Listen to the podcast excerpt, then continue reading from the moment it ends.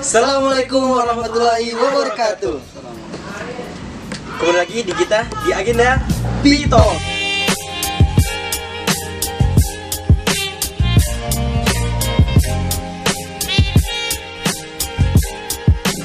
Oke teman-teman semua, hari ini kita membahas suatu tema gitu kak ya.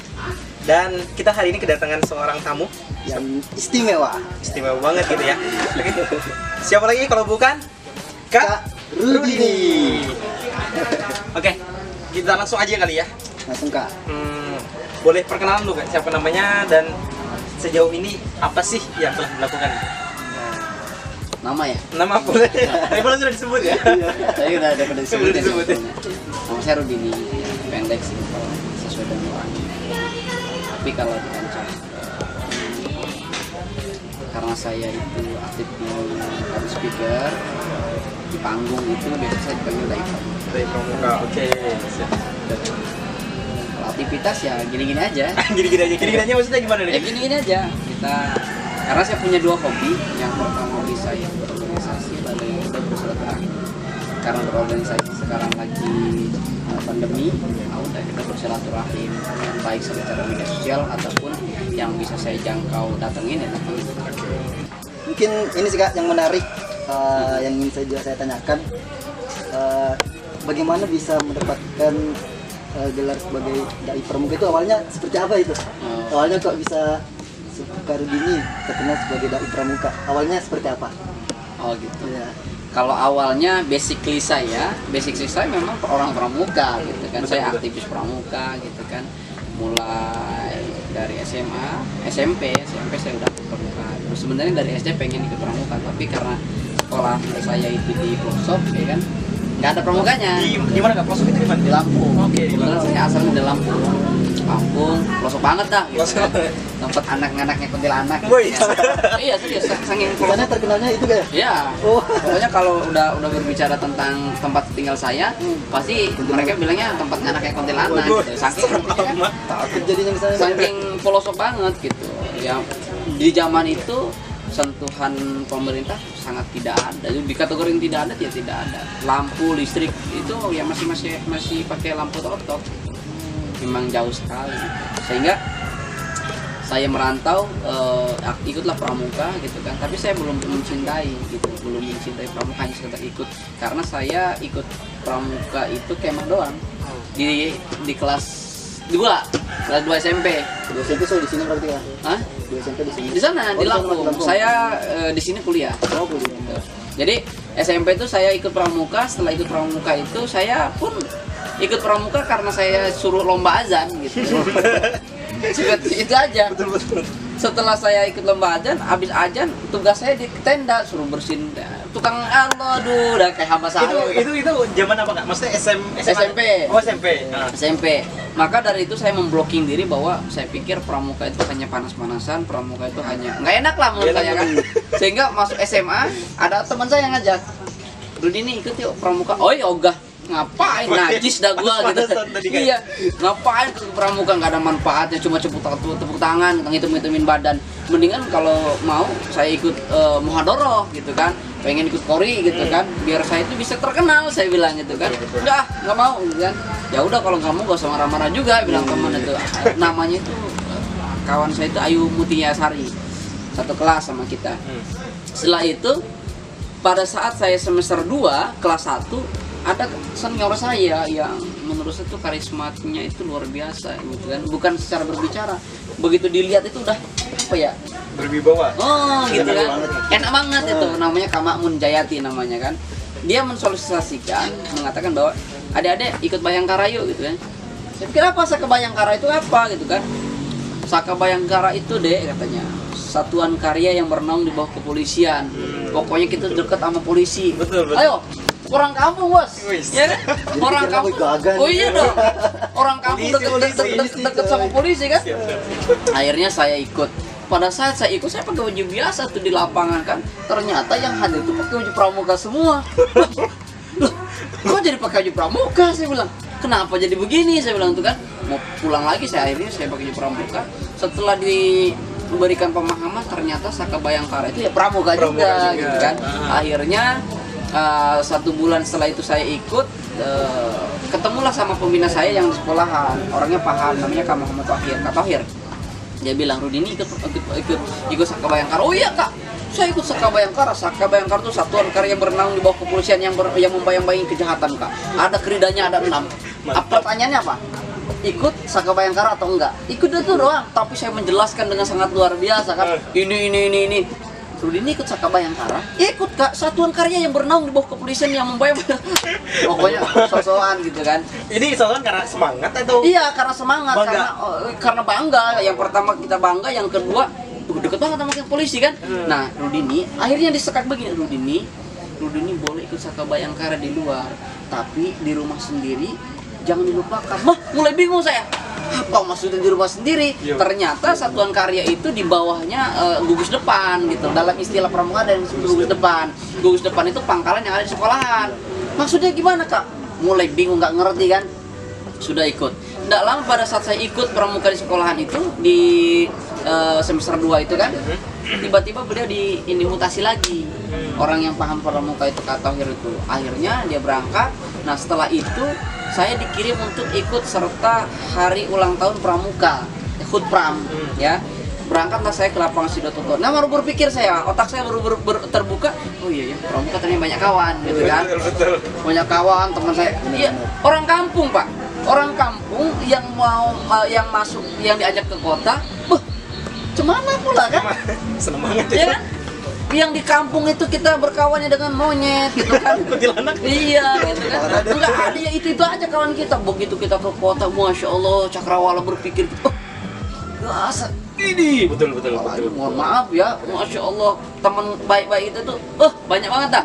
Mulai dari sini, wah, kalau banyak kawan saya bisa keliling ke mana-mana nih, gitu kan? Mikirnya gitu. Akhirnya ikut, sehingga eh, itu dari kelas 1 SMA itu saya niat saya mau jadi ketua ketua rohis. Sudah visi misi udah saya buat. Pokoknya eh, sahwat keorganisasian saya itu muncul itu saya saya, saya SMA. Karena saya harus berpikir eh, saya harus harus harus berubah gitu. Jadi ceritanya tadi itu yang apa kalau ini semester 2 itu Hmm. dua SMA atau dua SMP? Dua SMA. Oh, dua SMA. Dua SMA. Ma- kan kelas eh, semester 1 kelas 1 SMA itu saya nggak mau kan yang diajak sama teman saya Oh, tadi. oh, itu kelas 1 SMA. Kelas 1 SMA itu nggak mau saya karena panas-panasan tadi itu kan. Oh. Nah, begitu saya ketemu Saka Bayangkara itu, nah udah mulai oh ternyata begini begini akhirnya eh tadinya mau cita-cita mau jadi ketua rohis karena udah mulai mulai jatuh cinta nih sama pramuka begitu kelas 2 kan peraturannya kelas 2 baru boleh nyalon ketua kan Iya betul. saya mikir pramuka nih gitu kan nah hari itu belum pakai musyawarah. Teman saya itu belum pakai musyawarah. Cuma- Ma- masih adu visi misi Ada visi-visi terus? jalan saya kan Mhm. di lab bahasa tiba-tiba di situ lagi pemilihan ketua pramuka. Saya bilang kak saya boleh nggak jadi ketua pramuka? Boleh dong katanya. Langsung ikut juga? Langsung ikut saya. Bal dari jalan tadi. jalan-jalan itu. Karena itu tertutup katanya hanya urus uh, apa anggota yang sangat aktif. Iya. akhirnya saya adu visi misi berdebat kan tak tak tak tak, tak. saya udah persiapan visi misi saya rohis. Hmm. ya kan jadi yang saya pakai pakai itu pakai itu gila nggak? Oh gila banget kira-kira isinya eh, seperti apa ya? Ya karena basically SMA saya itu bukan SMA tapi eman kan yang nggak lepas daripada kecerdasan religius ya. sehingga saya dongkrak dengan dasar dharma itu. Hmm. kunci kesuksesan pramuka itu ada di poin yang satu. Saya bilang tuh dasar dharma yang pertama itu takwa kebertuhan yang maha esa. Saya bilang tuh kan. hajar dari situ tek, tek, tek. dari tiga pencalon dari tiga kandidat Heeh. eh mereka berdua itu nomor dua itu eh saya kan nomor dua nomor satu itu dapat tiga suara nomor tiga itu dapat dua suara jadi yang Sisanya? tersisa itu ke saya semua Berapa? berapa itu kan Eh, hari itu kan terkumpul pesertanya itu 75 ya berarti Waduh. sisanya saya menang telak bos Iya, Bu. Waduh. Wah dari situ tapi dari situ nggak bangga pak mikir malu masa ketua pramuka nggak ngerti pramuka ya gitu kan Ngerti nggak ngerti tadi rohis, rohis karena Rohis. buat rohis. Karena kan memang saya yang merintis Rohis, saya Oh. mendirikan Rohis gitu kan. Udah pokoknya Rohis tuh ke depan begini begini bla bla. Tiba-tiba jadi ketua pramuka. Wih, gimana kalau anggota pun nanya gitu kan? Gimana kalau anggota saya nanya selalu saya nggak ngerti pramuka. Akhirnya mulai ngapalin dasar dharma yang 10 itu kan tempel di tempat kamar dasar dharma satu gini gini dua gini tiga sampai 10 setelah itu latihan la- ya apa langkah tegap maju jalan itu ya pakai mau mandi. Mau apa eh, morse semapur di rumah itu prat prit prat prat mama saya itu geleng kepala gitu. Kenapa anakku jadi begini katanya gitu kan.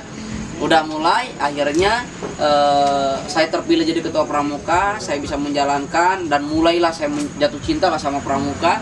Setelah itu dilalahnya itu kawan saya. Kawan saya itu hari itu masih ada kebijakan boleh men- menjabatkan eh, memegang jabatan dua organisasi dua populer akhirnya saya nyalon jadi eh, kandidat wakil ketua rohi apa ketua osis dengan teman saya. Saya pikir eh, balance sekali karena seluruh ekstrakurikuler saya yang megang kan. Betul, betul. jadi dulang suara itu luar biasa. Akhirnya menang lagi wakil ketua ketua osis saya kan? Wakil ketua osis. Mulai dari situlah saya ya di sekolahan itu jadi orang famous lah gitu. Oh, karena oke. terkenal lah kita kan. Lingkup sekolahan. Tapi saya berpikir dari pramuka itulah eh, apa namanya yang mengantarkan saya bisa keliling Indonesia bahkan saya Hmm. bisa asbab yang menyebabkan saya kuliah di Kaltim juga ya menurut saya itu eh, apa ya berkah dari pramuka gitu. Oke, kalau keliling Indonesia tuh kak ke mana aja sudah pernah?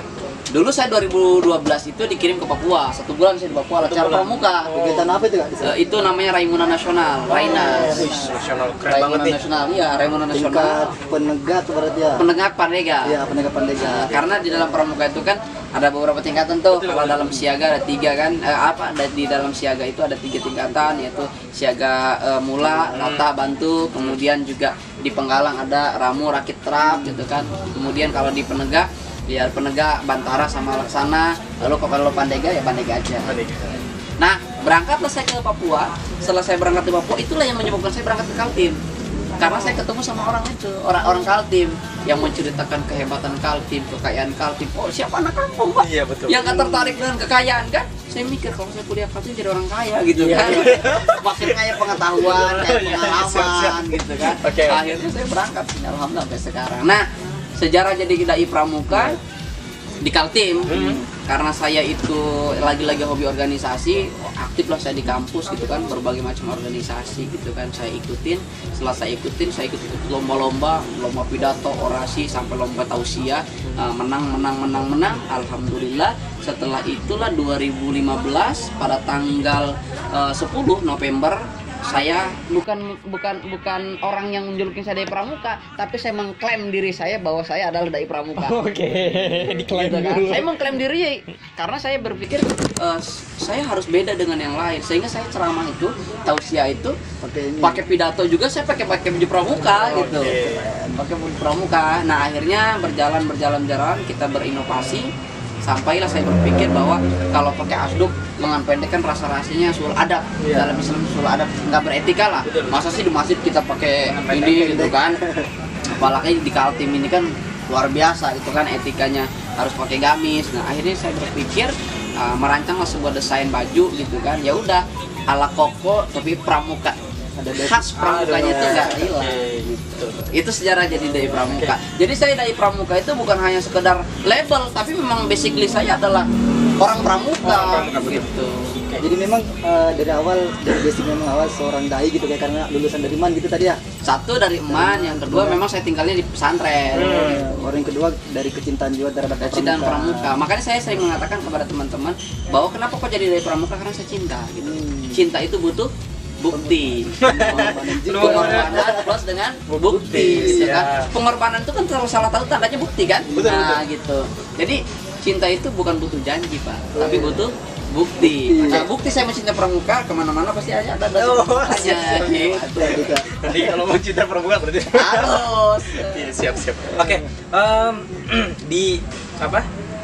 Kenapa sih eh, kakak gitu kan Kak Rudini tertarik dengan pramuka? Apa sih nilai filosofis yang terkandung di pramuka sehingga Kak Rudini apa melebeli tadi ya Hmm. dalam apa dai pramuka? Apa sih maksudnya membuat Kak Rudini bangga terhadap pramuka gitu? Awal mulanya lagi-lagi ke historical ya. Hmm. saya terbuka bener-bener bangga banget bangga dalam arti bukan sombong ya artinya bersyukur masuk bagian keluarga besar pramuka itu ada senior saya udah tua pengarang Mas Jayalah Pramuka itu namanya Kamu Nasir Amin. Saat kami di pesawat pada saat kamu berangkat eh, mau berangkat ke Papua dia bercerita Rudi nih mbahnya Pramuka itu siapa? Dengan PD-nya saya mau melihat Robert Stephen Slot lawan buat Baden Powell gitu kan. Robert Stephen Slot Baden Powell. Baden Powell kak? Salah. Kaget saya. Selama ini teori yang saya baca itu kan badan Iya, iya, Powell. itu banyak pramuka. Salah kok bisa kak? Saya bilang siapa? Saya bilang gitu kan. Badan Paul itu pengemas tuh pengemas pramuka. Tapi mbahnya pramuka Nabi Adam alaihissalam. Wah, merinding saya kan. Kok bisa ini? Kenapa kok bisa kak? Bayangkan Nabi Adam alaihissalam diturunkan dari surga ke bumi lalu dia napak tilas. Di pramuka ada yang disebut dengan napak tilas. Pernah tuh kak dulu. Iya kan? Pernah juga kan? Napak tilas. Setelah dia napak tilas, dia di hutan. Dia melakukan survival. Di dalam permukaan survival bertahan hidup di tengah hutan. Dia bagaimana memilah memilih makanan yang bisa dimakan. Lalu dia pertama kali menyalakan api unggun lewat batu batu menggesekkan kayu. Dan di pramuka ada yang disebut api unggun. Lalu dia berenang, mendaki gunung ke Himalaya, sampailah dia di Jabal Rahmah bertemu dengan Hawa. Dia mengamati, merenung apa yang ter- yang dilakukan oleh Adam alaihissalam. Maka muncullah yang disebut dengan eh, apa namanya Baden Powell menerbitkan sebuah buku itu katanya gitu kan. Boyman, bukunya itu di dalam Boyman tuh banyak tuh. Bagaimana dia eh, apa serigala yang tidak pernah tidur, Nabi Adam itu dia jarang tidur malam gitu kan. Sehingga yang eh, serigala yang tidak pernah tidur toh. Nah, setelah itu jadi Rudi ini kesimpulannya adalah eh, pramuka itu sebenarnya kalau kita mau egois punya Islam. Mikir kan? Ya juga ya. Awal-awalnya tuh saya dibilang mohon maaf ya, bukan rasis ya, bukan. Tapi awal-awalnya saya pramuka, pramuka itu bukan ajaran Islam katanya gitu kan. Badan Paul itu bukan orang Islam katanya itu kan. Goyang juga eh gitu, iya juga ya gitu kan. Tapi setelah dapat penjelasan seperti itu mulai yakin. Nah, setelah eh, itu penemuan-penemuan itu masih secara teori ya dan juga pengalaman. Nah, begitu saya jadi ketua pramuka di Unmu, saya baru memahami hakikatul pramuka bahkan eh, bagaimana diri saya tidak bangga gitu kan tidak bersyukur bahwa saya menjadi aktivis pramuka bahwa pramuka itu kan dasar dharma pramuka yang dirumuskan oleh orang-orang hebat di Indonesia Bapak Pandudu Indonesia eh, Amah Hamengkubuwono 9 gitu kan mereka merumuskan dasar dharma Saripati dasar dharma itu Al-Qur'an surah An-Nisa ayat 9 Apa itu? Hah? Wal yakhsal ladina la taraku min khalfihim dzurriyyatan di'am Masya Allah. Artinya? Nah, jadi bahwa diri kita ini nggak boleh Allah itu mewanti-wanti bahwa seluruh manusia jangan sampai meninggalkan keturunan yang lemah. Nah, jangan dong anggota pramuka jadi pernah lihat anggota pramuka yang nggak ada ceritanya pak, ya kan? Tapi dia selalu riang bergembira, Betul. Keren banget. kan? Sering-sering apa? Berkumpul bersama terus nyanyi-nyanyi. nyanyi-nyanyi, Ber apa? riang gembira Riang terus gembira, pramuka. betul. Makanya dalam dasar dharma yang pertama itu takwa kepada Tuhan yang Maha Esa, lalu cinta alam dan kasih sayang sama manusia. Coba saya udah membedah dasar dharma itu secara perspektif Islam ya kan. Eh, takwa kepada Tuhan yang Maha Esa. Ya ayyuhalladzina amanu taqullaha haqqa tuqatih wa la tamutunna illa muslimun.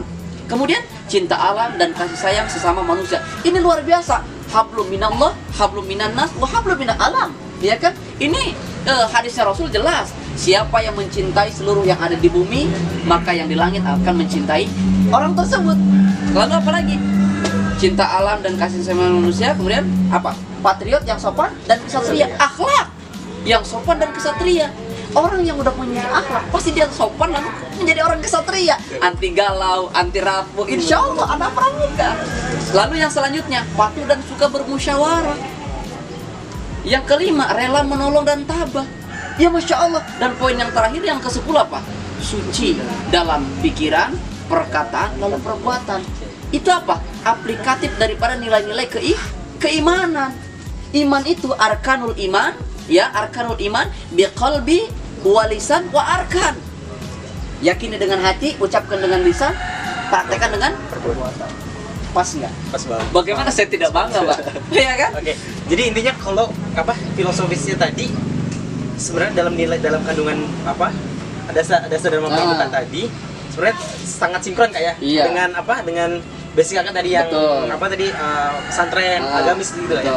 Oke, nah ini uh, ibro banget nih, hikmah banget buat kita semua teman-teman bahwa ternyata di pramuka itu yang seperti tadi Karudi sampaikan bahwa sangat balance banget ketika ketika ketika berarti dia sangat balance banget ketika kita kemudian eh, apa mengaplikasikannya dalam kehidupan di dasar dharma tadi sudah lengkap semuanya tentang nilai-nilai keislaman gitu. Dan bagaimana juga eh, luar biasanya ya saya tambahin. Eh, di dalam pramuka itu hmm, pernah ikut pramuka pasti ada yang SKU SKK ya kan? SKU itu kan SKU itu syarat kecakapan umum untuk mendapatkan TKU tanda kecakapan umum SKK luar biasa. Dan itu menurut saya adalah pendidikan yang dilakukan oleh pramuka adalah tarbiyatul ummah yang dilakukan oleh Islam bagaimana Rasulullah itu mengajarkan kita mendidik anak-anak. Dan itu eh, tata cara mendidik anak itu kan ada yang namanya apresiasi kemudian eh, apa sih kalau kita dikasih hadiah itu kan kita diapresiasi kan Iya, betul. pendapatnya dan sebagainya dikasih hadiah. Di pramuka itu dilakukan. Misalkan nih seorang anak siaga ataupun anak penegak dia udah bisa namanya khotib atau yang penegak ya Iya. udah khotib udah bisa khotib dia dikasih penghargaan loh dikasih penghargaan namanya TKK tanah kecakapan khusus. Ada yang gambarnya lagi khotib. Lalu dia bisa menabung ada gambarnya yang menabung. Sehingga bajunya itu bukan baju-baju sembarangan. Bagaimana kita tidak pede pak? Makanya dulu saya berprinsip bahwa uh, the uniform is power gitu. Kan pakaian itu adalah kekuatan saya. Baju saya itu penuh dengan tempelan gitu. Keren gitu dengan logo-logo kan? Dan itu nggak sembarangan gitu. kalau kita udah habis udah penuh di sini pakai selempang. Selempang kita tuh nggak ecek-ecek gitu loh. Nah yang paling terpenting bukan hanya saja orang Islam gitu kan tapi ini dalam kacamata kemanusiaan bagaimana kita tidak bangga dalam filosofi pramuka Eh, Sunarto Atmodipuro yang menemukan lambang gerakan pramuka itu adalah tunas kelapa. Anda tahu sendirilah filosofi tunas kelapa itu bagaimana. Tidak ada satu unsur dalam kelapa itu yang tidak manfaat. Benar benar Berarti harapannya yang pertama manusia yang ikut dalam pramuka ataupun seluruh umat manusia yang berkecimpung dalam kebaikan diharapkan menjadi manusia yang bermanfaat. Pertama, yang kedua filosofinya pramuka apa tunas kelapa itu bisa tumbuh di mana-mana. Anda pernah melihat pohon kelapa yang di laut? Pernah. Anda bisa ah, di hutan udah pastilah ya. gitu. Jelas. Lalu di udara, di udara itu bisa tumbuh. Anda angkat aja yang di antara dua-duanya eh, Di antara tali. di, di tali ya kan? Dia tumbuh. Nah harapannya seluruh anggota pramuka di mana pun, kapan pun, dengan siapa pun dia mudah untuk beradaptasi hingga muncul tuh pepatah orang tua kita kan, di mana bumi dipinjak, di situlah langit dijunjung. gitu. Betul banget. betul banget Iya. Oke. Ya. Eh, jadi eh, sependapat aja sih dengan tadi Karudini bilang Nah. kalau dasar dharma itu include banget dalam kehidupan bahkan kalau bisa dibilang itu kayak eh, kalau dasar dharma dipatuhi benar-benar nih semua orang benar-benar jadi orang sebenarnya orang jadi jadi orang yang bermanfaat banget gitu ya. apalagi kalau dulu kan sempat juga ikut di perempuan Dulu ikut, ya. seru banget itu Ya. baru nggak sembarangan juga gitu kan satuan terpisah Betul. dipisah cowok sendiri cewek sendiri Kalau Kak Kak- Kak Agus sampai pangkat apa? Waktu kemarin ambil penegak sama penegak dalam itu kan Penegak sampai apa? Laksana atau Laksana Bandara. sempat ambil pramuka Garuda juga kemarin Oh, luar biasa. cuman sudah habis masanya Oke. Kalau kalau kalau saya kemarin cuma sampai Bantara. Itu pun ini ini karena karena memang Ah. belum banyak belum tahu tentang pramuka jadi cuma ikutnya uh, ketika diwajibkan. Ini diwajibkan ya sudah deh mau nggak mau ikut. Nah, ternyata set- setelah ke sini gitu ya ngelihat teman-teman pramuka ternyata memang keren dan sayangnya ke- ketika SMA kemarin cuma uh, cuma sebagai pengikut Hmm. followers gitu ya Hmm. tanpa aktif terlibat langsung gitu tapi sebenarnya kalau kalau kita aktif tadi keren kayak kayak. Kak Rudin itu sampai keluar daerah keren Iya. banget tapi ini sih kenapa ya terkadang tuh kan kadang nih teman-teman juga SMA dulu kan Ah. malas ikut pramuka Hmm. Mm. baru kadang ah panas-panas aja Iya, betul. jadi hitam aja Betul, betul. nah itu Iya, saya. seperti apa sih kalau kita memahamkan ke mereka itu dari foksi baiknya itu dari pramuka Makanya itu tadi saya bilang eh, kembali kepada pembina sebetulnya. Kalau misalkan pembina itu tujuan pembina itu kan untuk memberikan pemahaman, ya kan, pemahaman. Lalu pembina itu bukan bukan hanya sekedar instruksional gitu kan, memberikan perintah perintah perintah tanpa adanya supporting gitu kan. Makanya dalam istilah jelas loh. Kalau kita bedah ya, siaga. Dalam tata cara upacara siaga, di eh, SD lah, di siaga itu usianya dari 7 sampai 10 tahun. Itu kan lingkaran posisi pembina itu ada di depan. Eh apa di ada di tengah? Lingkaran. Kenapa kok lingkaran? Memang masih lingkar dia masih bisa bersatu padu gitu kan belum bisa dilepas. Maka yang berperan yang sangat luar biasa itu adalah pembina gitu loh. Men- mendorong mensupport dan sebagainya. Lalu begitu eh, penggalang penggalang itu dari usia 11 tahun sampai 15 tahun dia lihat tata upacaranya udah apa pak angkare kan? Angkare dia udah udah udah gini. Nah posisi ini ada di sini udah di, bukan di depan udah bukan di mana? Bukan di bukan di tengah lagi tapi udah di depan. Kenapa? Ini memberikan contoh. Dan dia udah mulai bisa dilepas karena dia udah terbuka. Tapi tengok pada saat udah di penegak 16 tahun sampai 20 tahun. Udah bagaimana? Sak dan posisi pembina itu adalah Tuturi Handayani makanya nggak lepas daripada filosofinya Ki Hajar Dewantara uh, Ingar Susung Tolodo Ing Madia Mangun Sarso Mangun Karso sama Tuturi Handayani. Tuturi Handayani itu yang di belakang mendorong memberikan motivasi. Nah kalau ini dipahamkan kepada anak-anak loh sekarang anak-anak muda sekarang gitu kan yang ikut pramuka kenapa kok males? Karena pola pembinaan itu nggak menarik. Betul betul betul banget. Mereka tidak tidak tahu yang namanya SKU pramuka itu tidak punya program kerja loh program kerjanya itu ya ada di SKU makanya bo mohon maaf ya ini ini kasar. Bodoh banget yang namanya pembina kalau sampai kehabisan bahan untuk ngajar. Padahal di SKU itu Bang, SKU ya Allah Akbar. Nggak habis pak. Ente mau belajar ilmu apa ada di situ? Bayangkan ya kalau nggak mengacu di dalam SKU poin yang pertama itu ada praktek yang namanya agama Islam. Kalau dia dilaksana itu ada yang namanya eh, mem- memandikan jenazah dan lain sebagainya. dan itu seluruh agama udah ada di situ lalu bagaimana dia itu olahraga ada berenang. Kan itu satu pertemuan satu kali aja. SKU ini oh iya. Yuk kita besok ini. Oh cakep. Nggak bakal bosen. Nggak bakal bosan ya kecuali kalau misalkan eh, adik-adik kita diajarkan minggu ini latihan PBB besok PBB lagi. Besok lagi PBB lagi. Bosan. ente lah. ente sendiri lah yang, yang ngerasain Bosan kak beneran. balik ini benar benar benar. Eh, makanya kita jadi pembina juga kudu bijak. Dalam artian jangan hanya kita mau ngajarin tapi kita sendiri nggak mengupgrade. Makanya pesan eh, pembina saya dulu ikut pramuka itu bukan hanya sekedar ikut tapi ikutilah pendidikannya. Makanya saya misalkan nih dari jenjang saya dari eh, laksana ke pandega. Pandega udah selesai nih. Saya kursus-kursus ikut juga mengupgrade diri saya. Karena tujuan saya nanti bakal jadi pembina kan. Eh, berarti ada yang disebut dengan KMD. KMD itu kursus mahir dasar. Dari KMD itu langsung lagi KML. KML itu kursus mahir lanjutan. Dari KML lanjut lagi nanti KPD. Ini alhamdulillah saya dapat informasi. Soalnya bulan Agustus ini saya tanggal 20 sampai tanggal 30 ikut KPD. KPD itu kursus pelatih dasar. Dari KPD masuk lagi nanti KPL, kursus pelatih lanjutan. Dari situ aman dah sudah. Ini udah puncak terakhir ini. Oh, udah paling- nanti kalau paling tingginya. Mm-mm. nanti kalau misalkan Tuhan takdirkan jadi kakuarda kan jadi kakuarda. Amin, amin, amin. ganti kata Zainal ya. ya kita kan 10 tahun yang akan datang 20 tahun yang akan datang. Kalau panjang umur tidak tahu. Iya betul. benar benar kak. Tapi, tapi kalau belum tahu yang yang apa yang menjabat tadi di tingkatan terakhir itu banyak nggak sih?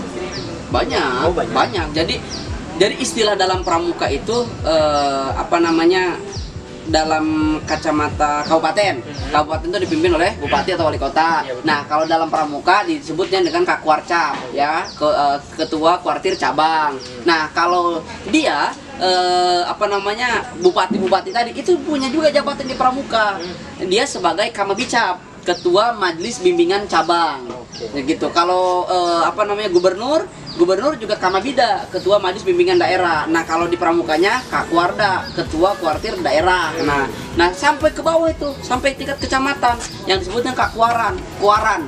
Hmm, kayak gitu. Oke. Iklan. Seperti itu. Oh, iklan dulu ya. Iya, Iya, Eh, mungkin kita agak-agak udah mau di akhir nih kan. Nah, Eh, bentar lagi kan ulang tahun pramuka ya? ya, Oke, tanggal berapa nih? 14. 14, 14 Agustus nanti. Oke. Em, kira-kira harapan kakak nih sebagai orang yang berkecimpung lama di pramuka, yang kemudian juga aktivis pemuda kak ya, Hmm. betul banget aktivis pemuda. Soalnya Karudini ini dia juga ada berbagai em, memimpin berbagai organisasi tentang kepemudaan. Salah satunya apa kak namanya? Rumah inspirasi. Rumah Inspirasi, terus apa lagi? Kemudian saya juga ada di MMA. MMA, eh, kepanjangannya apa? nah, Majelis Milenial Al Kafi. Lalu saya juga di Duta Baca, Duta Baca. kemudian di IDMI, Ikatan Dai Muda Indonesia, kemudian di KPK, Komunitas Pendakwah Keren. Banyak banget ya. Aktivis banget ya. Iya itu, itu, tadi itu tadi teman-teman. Karena Eh, hobi tadi kan? Iya karena hobi. Iya. Jadi eh, apa orang yang bergerak di kepemudaan apa sih harapannya kakak buat apa pemuda-pemuda yang yang ada di Indonesia terutama orang-orang yang masih bersekolah kayak kita nih ya masih kuliah apa sih harapan kak buat eh, kami? Harapan saya dengan hari ulang tahun Pramuka ya ke 69 ini yang insya Allah jatuh pada hari Jumat besok. Jadi begini, harapan saya cuma satu, sadarilah bahwa eh, ikutilah ilmu ke mana pun ilmu itu ingin pergi. Jangan ke mana-mana bawa ilmu. So kenapa? Kalau kalau kita ke mana-mana bawa ilmu ada arogansi. Tapi kalau ilmu itu yang membawa kita yakin hakikat daripada ilmu itu adalah suci. Tidak akan tidak akan mungkin sesuatu yang suci akan jatuh kepada sesuatu yang kotor. Oleh karena itu terus belajar, terus beraktivitas dengan gaya, dengan eh, profesi, dengan cara masing-masing.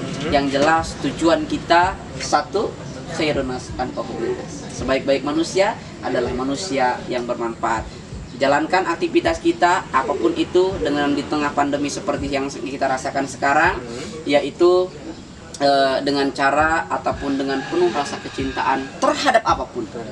Karena kalau kita berbicara tentang cinta itunya luar biasa menurut saya kan sesuatu yang berat akan menjadi ringan sesuatu yang susah akan menjadi mudah insya Allah lah gitu kan ya bagaimana lah eh, sosok eh, apa namanya karena saya penggemar daripada Kais dan Laila dan juga Jalaluddin Rumi eh, yang mereka itu luar biasa gitu kan. Mendefinisikan yang namanya cinta itu uh, luar biasa lah. Nah begitulah dengan kita. Teman-teman aktivis dakwah di kampus lakukan itu gitu loh. Jangan pernah berpikir bahwa eh, apa sih yang akan saya dapatkan. Jangan pernah berpikir seperti itu. Tapi tujuan kita adalah tarbiyatul ummah. Mem- mem- memberikan pendidikan mendidik kemudian memberikan pemahaman kepada umat gitu kan. Insya Allah kalau itu yang kita lakukan dan Allah subhanahu wa ta'ala ridho dan Rasulullah senang apa pun yang kita minta jangan kita minta lagi kita nggak minta aja Allah kasih apalagi kalau kita minta udah astajib lakum Masya Allah. Masya Allah sekali ya. Keren banget ya hari ini kita habis sharing-sharing sama Kak Rudini dan materi yang diberikan sangat luar biasa. Terima kasih banyak eh, sebelumnya Kak. karena saya biasa di luar Oke, siap. Silakan. Oke, apa nih Kak buat eh, terakhir dari Eh, terakhir mungkin nih untuk memeriahkan eh, hari pramuka juga mungkin kita bisa tepuk pramuka dulu. Oh ya boleh dong. Siap, siap, siap. Tadi pramuka nggak ada tepuk Oke. pramuka ini. Tadi juga saya lupa salam pramuka. Oke, siap. Oke, mungkin sebelum ditutup, eh, baiknya kita dua kali tepuk pramuka.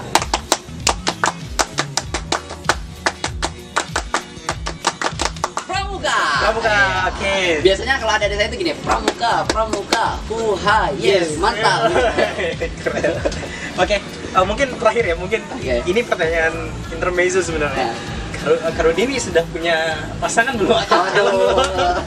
ini biar biar. belum, belum. Saya masih sendiri. Oh, insya Allah. Allah. Teman-teman yang perempuan ya apa ya bisa. Rencana kapan nih kak? Maksudnya Eh, punya karena target? saya masih punya tanggung jawab untuk menyelesaikan S2 saya. Eh, selesai wisuda, barulah insya Allah langsung memikirkan untuk ibunya anak-anak. Oke siap siap. Jadi ditunggu ya setelah S2. Insya Allah. Kalau aja Instagram saya, Rudin. Iya, Rudin, ada ada di bawah sini ya nanti bisa dilihat. Oke teman-teman semua terima kasih eh, telah menonton sharing-sharing kita pada apa sore hari ini. Insya Allah bermanfaat ketika kemudian kita ingin menjadikan ini sebuah kebermanfaatan. Mungkin terakhir dari kita tadi penutup ya dari kata-kata Karol ini khairun nas anfaum linnas sesungguhnya eh, sebaik-baik manusia adalah orang yang bermanfaat untuk orang lain. Terima kasih. Ini dia P-Talks sore hari ini dan kita akhiri. Assalamualaikum warahmatullahi wabarakatuh. Oke.